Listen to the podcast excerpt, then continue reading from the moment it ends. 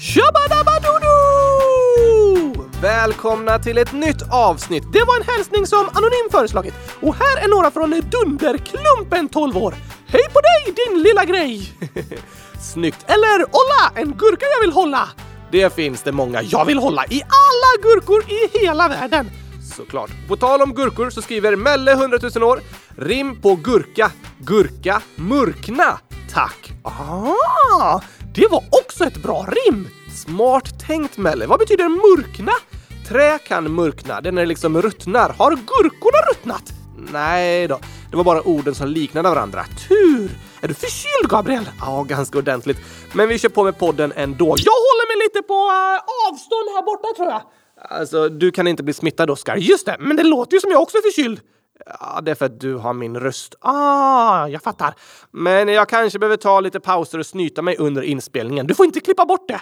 Jo, jag kommer klippa bort när jag snyter mig. Ja, det kanske är fräschast. Så om ni hör att Gabriel plötsligt börjar låta väldigt täppt i näsan, sen så blir det plötsligt bättre. Då kan ni ana att han har pausat och snutit sig, sen klippt bort det. Klurifaxigt. Otroligt klurifaxigt! Men eh, tråkigt att du är förkyld just idag när vi ska fira! Woho! Fira? Menar du min namnsdag?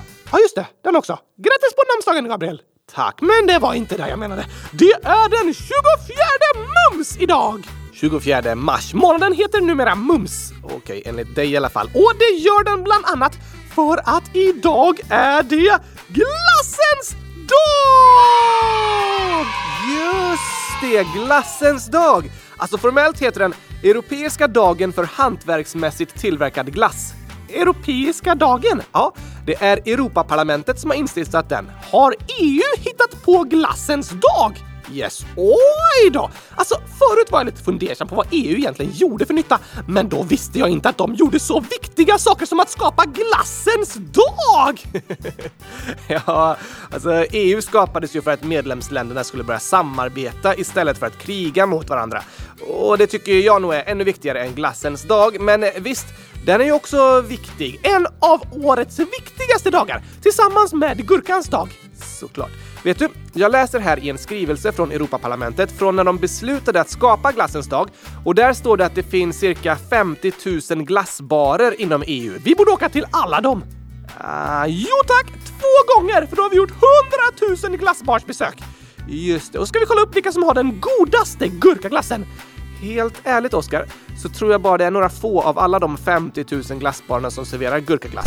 Va? Ja, det är väldigt ovanligt, men det är därför glassens dag är så viktig! För att utveckla glassindustrin och ge gurkaglass till alla!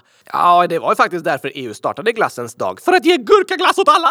Nej, mer för att uppmärksamma hantverksmässigt producerad glass, alltså typ handgjord glass, och utveckla den gastronomiska traditionen som det så fint heter. Gurkonomisk vadå? Gastronomi är läran om sambandet mellan mat och kultur. En gastronom är en person som liksom är väldigt intresserad av mat och expert på mat. Expert på att äta mat? Har personen en eh, väldigt stor mun? Läs alltså inte expert på att äta, utan är intresserad av hur maten är tillagad och var den kommer ifrån, hur smaker fungerar och vilken slags mat som är vanlig på olika platser och så vidare. Så gastronomi är typ matvetenskap, skulle man kunna kalla det ja. Låter nästan som något för dig, Oskar. Nej tack, jag vill inte studera och hålla på med gastronomi, men glastronomi! Såklart. Och gurkonomi! Just det, eller ännu bättre, gurkaglastronomi! Ja, det låter som något för dig. Vi skulle kunna kalla kylskåpsradion för en gurkaglastronomisk podcast.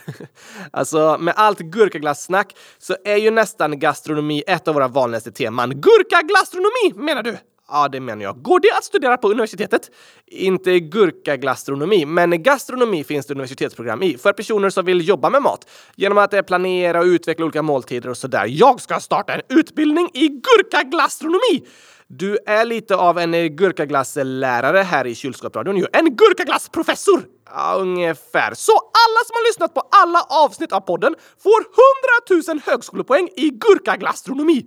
Du kan inte dela ut högskolepoäng hur du vill. Jo tack, det gick jättebra. Nej, det är bara högskolor och universitet som får göra det. Då ska jag starta ett gurkaglassuniversitet där det går att utbilda sig till gurkaglastronom! Gör du det, Oskar? Skriv om ni är intresserade av att börja studera där. Jag tror att lyssnarna kan koncentrera sig på att gå ut i grundskolan först.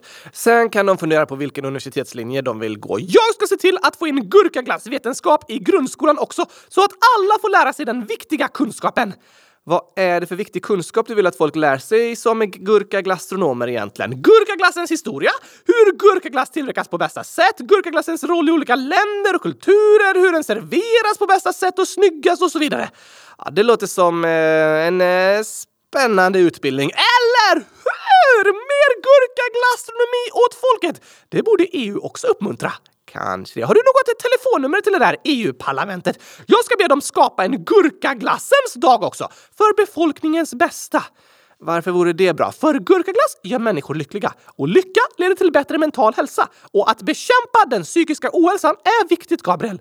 Ja, det har du rätt i. Det är en prioritet, så jag tror att jag kan övertyga EU-ledarna om att en gurkaglassdag skulle göra stor nytta. Kanske det. Du kan börja med att skriva ett mejl till de svenska EU-parlamentarikerna och se om de nappar. Finns det svenskar där? Ja, det är 21 svenska politiker som representerar Sverige i Europaparlamentet. Olika många från olika partier beroende på resultatet i EU-valet i Sverige 2019. Aha! Så det är dem jag kan kontakta för att få till gurkaglassens dag. Du eh, kan försöka. Det är ju viktigt att invånarna i en demokrati ska kunna kontakta politikerna.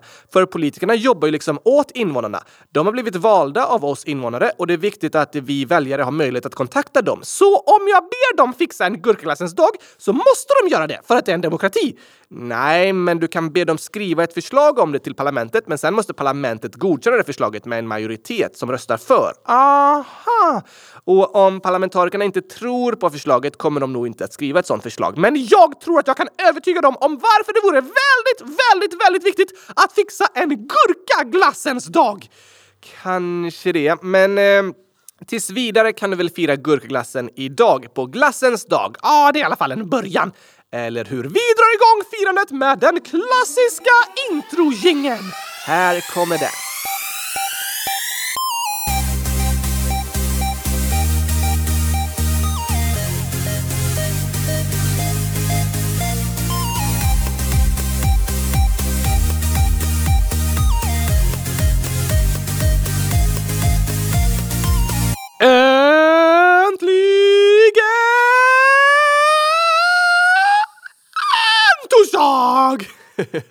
och äntligen avsnitt 100 261 av Kylskåpsradion och äntligen Gurkans dag! Nej, jag menar glassens dag! Nej, jag menar Gurkaglassens dag!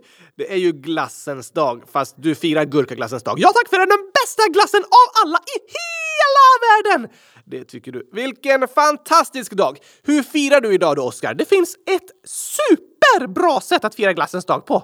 Eh, alltså, ja tack! Vilket då? Genom att... Trumvirvel! Äta glass. Ja, visst är det smart. Äta glass på glassens dag. Otroligt smart. Hade jag aldrig kunnat komma på själv. Nej, det gäller att tänka efter lite för att komma på en så superbra, briljant idé. Jag var ironisk. Jag hoppas att ni alla lyssnare får äta glass idag. Det är ju dock bara torsdag. Jag vet inte om det är så många som brukar få äta glass på torsdagar, men det är ju glassens dag!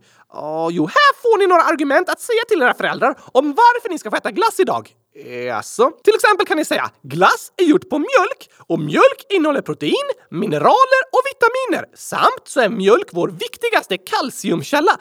Den ger oss även fosfor, vitamin B12 och riboflavin. Dessutom är mjölk berikat med vitamin D, vilket är superviktigt att få i sig extra mycket av efter vintern. Sant! D-vitamin får vi i oss av solen, så många har D-vitaminbrist, särskilt efter vintern. Precis! Det är därför superbra att glassens dag kommer efter en lång vinter, så att alla äter jättemycket glass och får i sig D-vitamin från mejeriprodukter. Smart! Ja, det var flera bra argument du hade där, Oskar. Eller hur?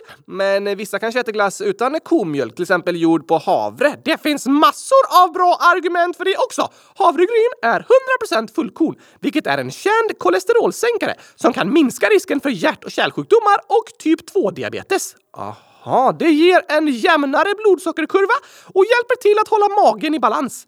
Det låter ju jättebra. Jag vet dock inte om det gäller havreglass också. Jag tror nog det är nyttigare att äta själva havregrynen. Havre som havre! Nu har ni massor av fantastiska argument! Era föräldrar kommer inte kunna säga nej.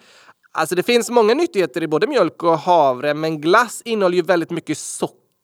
Det är därför föräldrar inte brukar låta en äta det för ofta. Men det är ju bara glassens dag! En gång om året! Det är verkligen inte för ofta. Ja, det har du rätt i. Och om era föräldrar säger att ni inte får äta glass idag, då är det sista alternativet att göra gurka-isglass. Alltså skära en gurka i två bitar, skala dem lite, sätta i en pinne av något slag och lägga in dem i frysen. Frusen gurka liksom. Ja tack, det är bara nyttigt. Går inte att säga nej till. Nej, det är ju sant. Men eh, många lyssnare kanske hör detta på kvällen när de ska sova och får veta att det är glassens dag lite för sent liksom. Det går att skjuta fram firandet till en annan dag. Aha, om du missar glassens dag så har du tillåtelse att äta glass en annan dag istället. Vem har sagt det? EU-parlamentet? Nej, det stod inget om det i beslutet. Jag är ganska säker på att det stod så, Gabriel. Nej, så är det i alla fall. Enligt Sveriges främsta glastronom vem är det då? Jag? Ja, såklart. Om man lyssnar på det här avsnittet någon annan dag på året får man också fira glassens dag då istället. E, enligt dig. Ja, tack! Så... Eh, det går att lyssna på det här avsnittet varje dag och säga åh, det är glassens dag idag, då får jag äta glass. Om man är riktigt smart kan man göra det, ja. Jag tycker bara det är den 24 mars som det är glassens dag. Du menar den 24 mums? Ja, det menar jag väl. Okej, okay. men alla andra dagar är det gurkaglassens dag! Ja, jag ska föreslå det till EU-parlamentet. Snart har vi nog ett beslut, Gabriel. vi får se. Lycka till med era firanden. Men vi ska inte bara fira glassens dag idag, utan har ju lovat ett annat tema som också hör ihop med något som händer just idag. Vad då? Så här skriver John snedstreck längdskidan den andra 12 år. Kan ni ha ett fotbollsavsnitt i samband med att Sverige spelar VM-playoff mot Tjeckien? Och kan ni prata om och varför Ryssland blir uteslutna?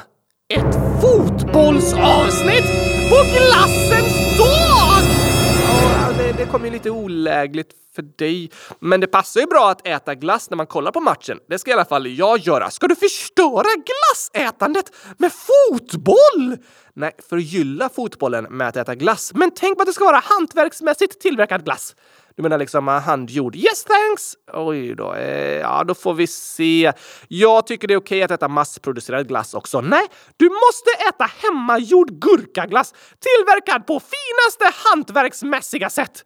Vi får se med det, Oskar. Men vi ska faktiskt inte prata så mycket om just fotboll idag, utan om något som hör ihop med fotbolls-VM, nämligen situationen i Qatar, som många lyssnare har skrivit om. Aha! Men först lite om kvällens förutsättningar. Svenska herrlandslaget i fotboll kom tvåa i sin VM-kvalgrupp efter Spanien och då gick de vidare till playoff. Spelar de mot andra som också kom tvåa i sin grupp? Yes! Ettorna gick direkt till VM-slutspelet medan tvåorna gick till playoff i ett minislutspel där de måste vinna två utslagsmatcher för att gå till VM. Vilka möter de? I den första matchen spelar Sverige mot Tjeckien och vinnaren av den matchen skulle möta vinnaren av matchen mellan Polen och Ryssland. Men nu har Ryssland uteslutits av Fifa på grund av invasionen av Ukraina. Ja, ryska idrottare har uteslutits från många tävlingar i många olika sporter. Men är invasionen de ryska idrottarnas fel? Nej, det är den ju inte. Det finns vissa ryska idrottare som stöttar invasionen medan andra är emot den. Och vissa tycker det är orättvist att sådana här uteslutningar drabbar vissa oskyldiga ryska idrottare. Samtidigt så är idrotten en viktig symbol för Putins Ryssland och används på många sätt som ett politiskt vapen. Fifa, det internationella fotbollsförbundet, har också kritiserats mycket för att samarbeta med Putin och Ryssland. Att VM spelades i Ryssland år 2018 har till exempel ifrågasatts av många. Så nu satte andra länder stor press på Fifa att utesluta Ryssland ur VM-kvalet så att inte den ryska regimen stolt skulle kunna visa upp fotbollsframgångar samtidigt samtidigt som invasionen av Ukraina pågår. Aha! Så de andra landslagen, med Polen i spetsen, gick ut och sa “Vi vägrar spela mot Ryssland i VM-kvalet. Om vi tvingas så väljer vi att förlora den matchen istället för att spela.” Oj då! Och sen sa Sverige och Tjeckien likadant. Och andra länder också, som eventuellt skulle få möta Ryssland i VM. Och till slut valde Fifa att utesluta Ryssland ur kvalet. Så om Sverige vinner mot Tjeckien ikväll så möter vi Polen i final. Yes. Ikväll spelas matchen mot Tjeckien och vinnaren av den spelar final mot Polen på tisdag den 29 mars. Och vad händer om Sverige förlorar? Då är de utslagna och går inte till VM. Så allt avgörs i en match! Ja, om vi förlorar ikväll så åker vi ut efter en match och annars så är det ju två matcher och vi måste vinna båda. Så ikväll är det typ semifinal och på tisdag final och vinnaren går till VM i Qatar. Så här skriver Anonymt Lejon 7 år. Hej Gabriel Oskar! Jag ska gå på Sverige-Tjeckien. Det kommer bli så kul! PS ni är bäst, sluta aldrig med det ni gör. Nej, Wow, vad häftigt! Nu blir jag superavundsjuk. Finns det glass på Friends Arena? Eh, jag vet inte om det serveras glass där ikväll. Kanske inte det som de flesta är sugna på sent på kvällen i mars. I alla fall är jag säker på att det inte serveras gurkaglass. Då är inte jag så avundsjuk. Okej, okay, men hoppas du får det jättebra Anonymt Lejon och att Sverige vinner! Det hoppas jag verkligen också. Om vi gör det och sen vinner matchen mot Polen på tisdag, då går vi till VM i Qatar. Och det är det många av er lyssnare som har bett oss prata om. Linnea, 30 år, skriver Hej! Kan ni inte prata om byggnationen inför fotbolls-VM och att det dött 6 500 personer? Jag förstår att folk vill titta på VM, men jag hade velat att man bojkottar detta, för jag tycker inte det är rätt att andra ska till och med dö för att vi ska få titta på fotboll. Ni är bäst! Gustav, 13 år, skriver också Hej kylskåpsradion! Kan ni prata någon gång om fotbolls-VM i Qatar och slavarbetet? Förstår om det blir för hemskt för att ha med i podden. Och Nore, 11 år, skriver Kan ni prata om Qatar? Fotbolls-VM 2022 kommer spelas i Qatar, men tycker ni verkligen att det ska spelas där på grund av att många arbetare som hjälpt till med arenorna har dött. Är det sant, Gabriel? Ja, det är det. Tyvärr är det många människor som har dött i byggnationerna inför VM i Qatar. När spelas VM? Det börjar den 21 november i år och slutar den 18 december. Brukar inte fotbolls-VM spelas på sommaren? Jo, det har det alltid gjort. Varför ändras det? På grund av att Qatar är extremt varmt på sommaren. Man kan säga att det i princip är ett land som ligger i öknen och på sommaren är det runt 40 grader varmt där varje dag. Oj då! På vintern då? Fortfarande varmt, men runt 25 till 30 grader på dagen. Ah, var ligger Qatar? Det är ett litet land som ligger på en halvö som liksom sticker ut från landet Saudiarabien. Aha! Strax bredvid Qatar ligger landet Förenade Arabemiraten där Dubai och Abu Dhabi ligger. Okej, okay. är Qatar ett stort land? Nej, till ytan är det lika stort som Skåne och det bor under 3 miljoner invånare där och mer än hälften av dem är migrantarbetare. Vad betyder det? Arbetare som har flyttat dit för att jobba. Och sen det år 2010 beslutades att Qatar skulle få arrangera fotbolls-VM i år så har antalet migrantarbetare ökat eftersom det behöver byggas massor av arenor och annan infrastruktur som nya vägar och hus och så vidare inför mästerskapet. Oj då! Det beräknas att det idag bor cirka 2,1 miljoner migrantarbetare i Qatar och väldigt många av dem jobbar med att bygga arenor och annat inför fotbolls-VM. Är det olagligt att flytta till ett annat land för att jobba? Nej, det är inget fel med att vara en migrantarbetare, men det är ofta en väldigt utsatt situation för människor. Ofta är det fattigdom som tvingar människor att flytta till ett annat land för att jobba. Och i Qatar så utnyttjas migrantarbetarna på hemska sätt. De får väldigt dålig lön och jobbar under hemska, till och med livsfarliga förhållanden. Va? Ja. Enligt tidningen The Guardian har 6 500 migrantarbetare från Indien, Pakistan, Nepal, Bangladesh och Sri Lanka dött i Qatar under de senaste tio åren. Många i byggen inför fotbolls-VM. Det är fruktansvärt, Gabriel! Ja, det är det verkligen. De flesta migrantarbetarna kommer från asiatiska eller afrikanska länder och det är människor som måste ta det farliga jobbet för att kunna försörja sina familjer. Och då blir de utnyttjade och tvingas arbeta under fruktansvärda förhållanden. Nu förstår jag varför många protesterar mot VM! Detta är något som måste uppmärksammas och det är många som tycker att hela VM borde bojkottas. Varför valde de att låta mästerskapet arrangeras där då? Qatar är ett väldigt rikt land, åtminstone är ledarna i Qatar väldigt rika och de sponsrar idag många av världens största fotbollsklubbar. Oj då! Ett begrepp som organisationen Amnesty myntat är sportswashing. Vad betyder det? Det betyder typ eh, sporttvättning och det innebär att en person, en organisation, en regering eller ett land använder sport, till exempel att sponsra ett fotbollslag eller arrangera ett stort idrottsevenemang för att förbättra sitt rykte och sitt namn i världen. Aha! Och det är väldigt vanligt idag. Det är fotbollsklubbar som ägs av ryska oligarker, emirer från Qatar och kronprinsen från Saudiarabien och mästerskap som fotbolls-VM och OS som arrangeras i såväl Ryssland som Qatar. Varför går Fifa med på det då?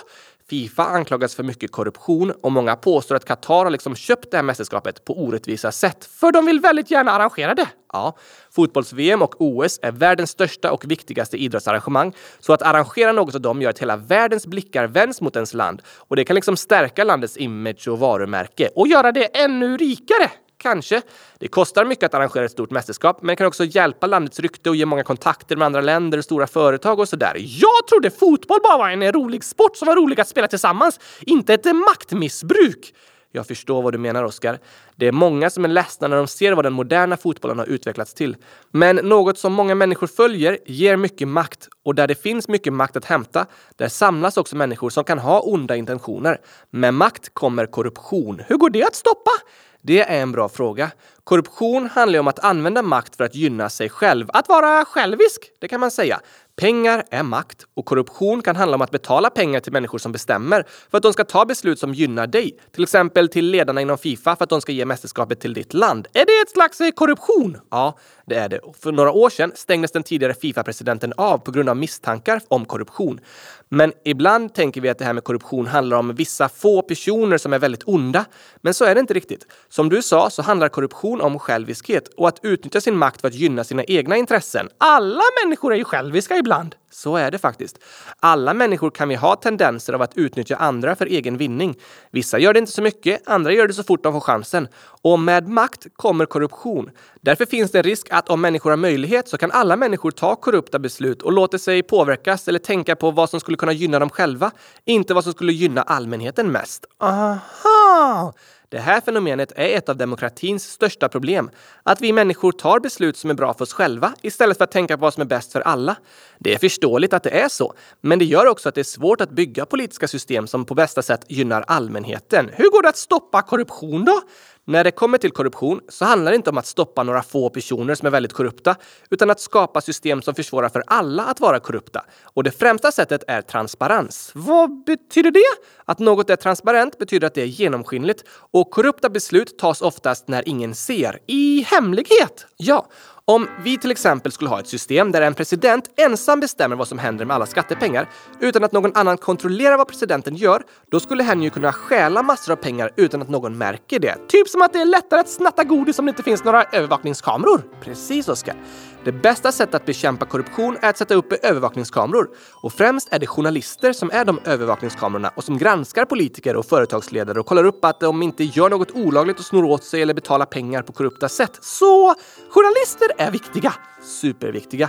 Och i Sverige och andra demokratier finns något som kallas offentlighetsprincipen. Det innebär att allt som politiker gör ska kunna kontrolleras av journalister och även av allmänheten. Alla beslut och utbetalningar av pengar och så vidare är allmän information. Så om en politiker till exempel har fått en miljon kronor av ett eh, oljeföretag så kan journalister kolla upp det och ställa politikern till svars och fråga varför har du fått en miljon kronor från det här företaget?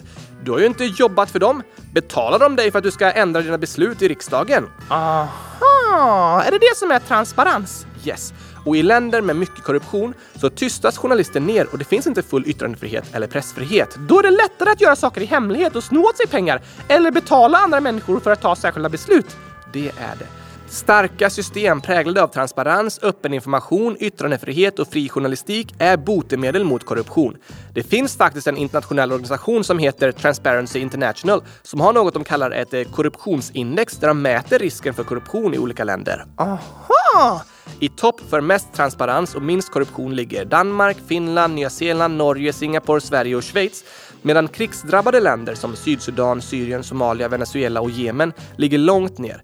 När det är krig och konflikter så är det svårt att bygga starka system, vilket gör att det pågår mycket maktmissbruk, vilket tyvärr gör det ännu svårare för ett land att ta sig ur svåra kriser. Oj då! Var ligger Qatar på indexet? Ganska högt upp, på plats 31, alltså förhållandevis låg korruption. Men vart Fifa hade legat på listan vet jag inte. Och det de flesta anklagar Qatar för i det här fallet är ju de fruktansvärda förhållandena för migrantarbetare och de höga dödstalen i landet. Just det! Vad går det att göra åt det, Gabriel? Det är också en bra fråga, Oskar. Men som jag berättade så är det migrantarbetare som åkt till Qatar för att de inte har några andra alternativ. De vill såklart inte jobba under dåliga förhållanden, men måste göra det för att ha en chans att försörja sina familjer. Människor som lever i fattigdom och utsatthet blir ofta utnyttjade och exploaterade kallas det. Och det är fruktansvärt. Den främsta lösningen för det är att fortsätta bekämpa fattigdomen i världen och ge människor möjlighet att säga nej till ett jobb med dåliga förhållanden för att det finns andra sätt för dem att försörja sina familjer. Det har du rätt i! Här är en fråga till dig, Gabriel. Nora, 11 år, frågar Tycker ni fotbolls-VM 2022 borde spelas i Qatar? Nej, det tycker jag inte. Jag tycker det är bra att nya länder i delar av världen som aldrig arrangerat fotbolls-VM får chans att göra det. Men redan när beslutet togs var det tydligt att Qatar är ett land som inte respekterar mänskliga rättigheter och mästerskapet har lett till att många människor har dött, vilket är fruktansvärt. Jag håller med! Så jag känner mig väldigt kluven till det hela. För jag älskar fotbolls-VM. Det är min favorittävling och jag älskar hur hela världen samlas runt samma sport och liksom firar tillsammans. Det är fantastiskt med människor från hela världen som spelar mot varandra. Men i det här fallet har det som skulle varit ett firande istället blivit en mänsklig katastrof och det är svårare att se fram emot VM. Det enda som kan vara positivt är om det här tillfället används för att uppmärksamma den situation som hundratals miljoner migrantarbetare världen över lever under, där de utnyttjas att jobba under slavliknande förhållanden. Ett första steg är att uppmärksamma det som händer. Precis. Transparens är viktigt för att bekämpa korruption och för att stå upp för mänskliga rättigheter. Förtryck sker ofta i det tysta när omvärlden inte ser på. Så det vi kan göra är att använda det här tillfället för att prata om hur människor i fattigdom utnyttjas och exploateras på fruktansvärda sätt. Och då är det viktigt att vi alla är villiga att lyssna, förstå och ifrågasätta det som pågår. Ja tack! Fast när man hör om så stora problem och människor som behandlas illa så är det lätt att känna sig liten, som att man vill hjälpa till men det går liksom inte att göra någon skillnad. Jag förstår vad du menar Oskar, men var och en kan vi göra skillnad, även om vi inte kan lösa all världens problem själva. Hur menar du? Det går inte för en person att fixa allting som är dåligt och hjälpa alla människor, men tillsammans gör vi stor skillnad. Och för en person som blir utsatt så är det såklart jobbigt med personerna som är taskiga mot den. Men det är också hemskt med människor som ser på utan att reagera och säga ifrån. Just det! Att inte säga ifrån är som att säga att det som händer är okej. Ungefär ja. Så det första steget för oss var och en är att vi inte vänder bort blicken när vi hör om människor som blir utsatta, mobbade eller utnyttjade. Att inte tänka ja, det där är ju hemskt, men jag orkar tyvärr inte bry mig. Utan istället uppmärksamma det som händer, säga ifrån och ifrågasätta. Att orka lyssna på människors berättelser. Precis. Jag berättade ju om att transparens och öppenhet motverkar korruption. Just det! Och det är viktigt att till exempel politiska makthavare kan granskas. Men det gör ju ingen skillnad om allting är transparent om ingen orkar engagera sig och granska och ifrågasätta det som händer. Du menar att de som säger ifrån är viktiga? Superviktiga. De som uppmärksammar korruption och maktmissbruk är viktiga. Och på samma sätt är det med situationen i Qatar. För det första tycker jag att det var fel att fotbolls-VM gavs till Qatar. Ja, men tänk om det nu skulle vara fotbolls-VM där och massor av migrantarbetare behandlas illa. Men så är det ingen som säger ifrån. Ingen som ser dem eller uppmärksammar det som händer. Då skulle det kännas för dem som att ingen bryr sig, att andra tycker det är okej att de behandlas så illa. Ja. Så första steget till förändring är att reagera på orättvisor, att säga ifrån, att berätta, att ifrågasätta, att bry sig. Det är i alla fall något vi alla kan göra. Precis. Och desto fler som säger ifrån, desto starkare blir det. Om det är en person på skolgården som mobbas och så är det 50 elever som säger ifrån, då är det väldigt svårt för den personen att fortsätta mobbas. Ah!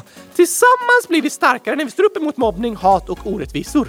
Om alla världens länder och landslag skulle protestera mot fotbolls-VM i Qatar och uppmärksamma de människor som har dött i samband med arrangemanget, då skulle det göra stor skillnad. Just det! Alltså, ibland önskar jag att jag skulle kunna fixa hela världens fattigdom på egen hand. Ja, jag förstår det. Men det är svårt. Ja, men det jag kan göra som ett första steg är att reagera på orättvisor och att människor behandlas illa och uppmärksamma det som händer och säga ifrån. Precis. Ibland är det läskigt att säga ifrån. Ja, särskilt när man är ensam. Men då kanske man kan ta hjälp av någon annan och be den att också hjälpa till. Eller prata med en vuxen. Det finns olika sätt att säga ifrån. Det har du rätt i! Så dagens lärdom är att bry sig och att uppmärksamma orättvisor och att människor behandlas illa är första steget för att hjälpa till. Bra reflektion, Oskar.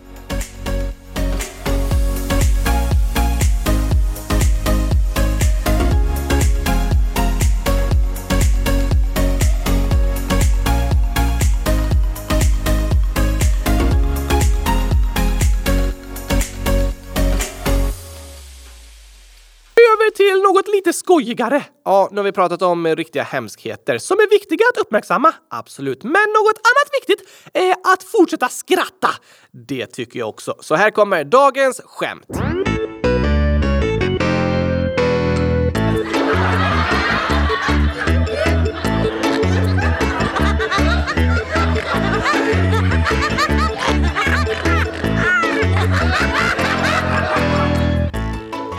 Har Gurkaälskaren skrivit en väldigt rolig vits. Alltså, så här är den. Det snöade. Det var vitsen. det var vitsen. Ja, för det snöade ju och det var vitsen. vitsen, vitsen. Väldigt tokigt. Verkligen. Och en gåta till dig från hopprepsälskaren 100 000 år. Hur vet man vart huvudet sitter på en mask? Eh, det där är klurigt. Ja, lite. Du ställer fram en skål med gurkaglass och så ser du vilken ände som äter. Ja, det var faktiskt ett bra förslag, Oskar. Jag vet dock inte vad maskar tycker om gurkaglass. Såklart så älskar de gurkaglass! Kanske. Men hopprepsälskaren skriver “Man kittlar masken och ser vilken ände som skrattar”. Ah! Men vad bra! Eller hur? Men tänk om masken skrattar med rumpan då? Eh, va? Ja, genom att blåsa ut luft ur rumpan istället för att skratta med munnen. Skrattar den genom att prutta? Kanske det. Jag, jag tror inte det. Har du någonsin sett en mask skratta? Nej, då kan du inte veta säkert. Jag tror att maskar skrattar med rumpan genom att prutta. Oh, Okej, okay, tror du det? Vilket fantastiskt djur alltså! Kan man tycka. Ett skämt till! Okej. Okay. Gurkalinus XC, 100 000 år, skriver Hej kylskåpsradion! Det var en person som jagade. Då kom polisen och sa Du tjuvjagar! Då sa personen Jag jagar inte tjuvar. Jag jagar älgar. PS älskar er. Nej! Att tjuvjaga betyder inte att jaga tjuvar. Vad betyder det då? Att man jagar där man inte får jaga. Så att man är liksom en tjuv för att man jagar. Ja, så kan man säga. Ofta pratar vi om tjuvjagare som olagligt skjuter elefanter och lejon på savannen. Oj då! Men även i Sverige går det att tjuvjaga. Om man jagar när det inte är tillåtet eller på mark där man inte har rätt att jaga. Så om jag snor gurkor från butiken så tjuvjagar jag. Nej, du jagar inte gurkor. Jo, om gurkorna springer iväg. Det gör de inte. De ligger stilla. Alltså Gabriel, tänk om alla matvaror i butiken hade haft ben och sprungit runt och så måste man jaga dem och fånga dem för att kunna köpa dem. Vilket kaos. Då hade det varit roligt att gå och handla. Jag vet inte jag. Tänk om du hade kommit hem och bara “Sorry Oskar, gurkorna var riktigt snabba idag så jag lyckades inte fånga några. Jag fick bara tag på ett par tomater, du får nöja dig med det.” Och jag bara “No!” Jag ska starta en matbutik där de som handlar måste jaga matvarorna och så ska allt ha samma pris fast det är svårare att fånga de dyra sakerna. Så man måste kämpa hårdare för att få tag på dem. Yes! Det är lättare att fånga tomater än eh, lyxig gurkaglass. Låter ju eh, spännande. Jag tycker dock det är väldigt smidigt att gå och handla när allas grönsaker ligger stilla och det är bara att plocka på sig det man behöver. Smidigt och tråkigt. Mest smidigt. Men du, nu har vi snackat fotbolls-VM och ikväll är det dags för playoff mot Tjeckien. Då passar det med min VM-låt! Precis vad jag tänkte, fast inte att vi sjunger till Ryssland. Jag vill inte åka dit nu. Nej, originalet handlade ju om VM i Ryssland. Du får väl säga Stockholm istället eftersom det är där matchen spelas ikväll. Okej! Okay.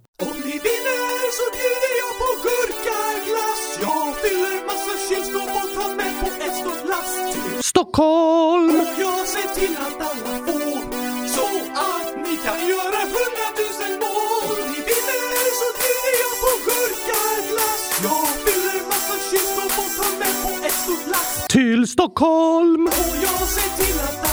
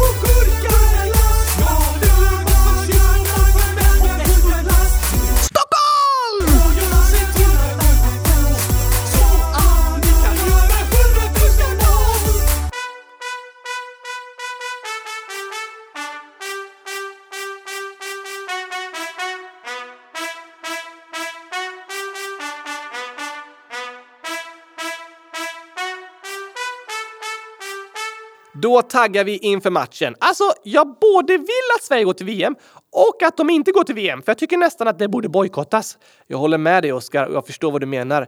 Jag är också väldigt kluven inför det hela, men jag hoppas att ni lyssnare tyckte det var intressant tema idag. Det är viktigt att bry sig och prata om hemskheter som pågår. Just det. Så stort tack till alla som hört av sig och frågat och uppmärksammat det hela. Superviktigt. Tyvärr hann vi inte så många andra lyssnarfrågor. Nej, så det tar vi mer av på måndag tycker jag. Och då blir det även en uppdatering från kriget i Ukraina. Också viktigt att prata om. Verkligen. Men innan vi avslutar för idag har vi några hälsningar här. Ja tack till dig Gabriel! Va? Såklart! Signe 10 år skriver grattis på namnsdagen Gabriel! Och Ester 9 år grattis Gabriel på namnsdagen på torsdagen den 24 mars! Och Julia 10 år grattis på namnsdagen Gabriel! Nämen, vad snälla ni är! Tack, tack, tack! Världens snällaste lyssnare! Jag håller verkligen med. Superstort tack! 100 000 tack till er!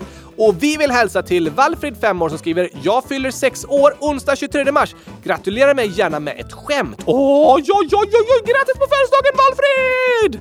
Hoppas du får en fantastisk sexårsdag. Här kommer ett skämt om ballonger som passar på födelsedagen. Vilken slags musik är ballongerna rädda för? Oj. Vad kan ballongerna vara rädda för? Eh, hårdrock kanske? Nej tack! Något eh, klassiskt? Inte det heller. Eh, då vet jag inte. Pop! Nej. Popmusik! Det låter som att ballongen poppas och går sönder. Verkligen.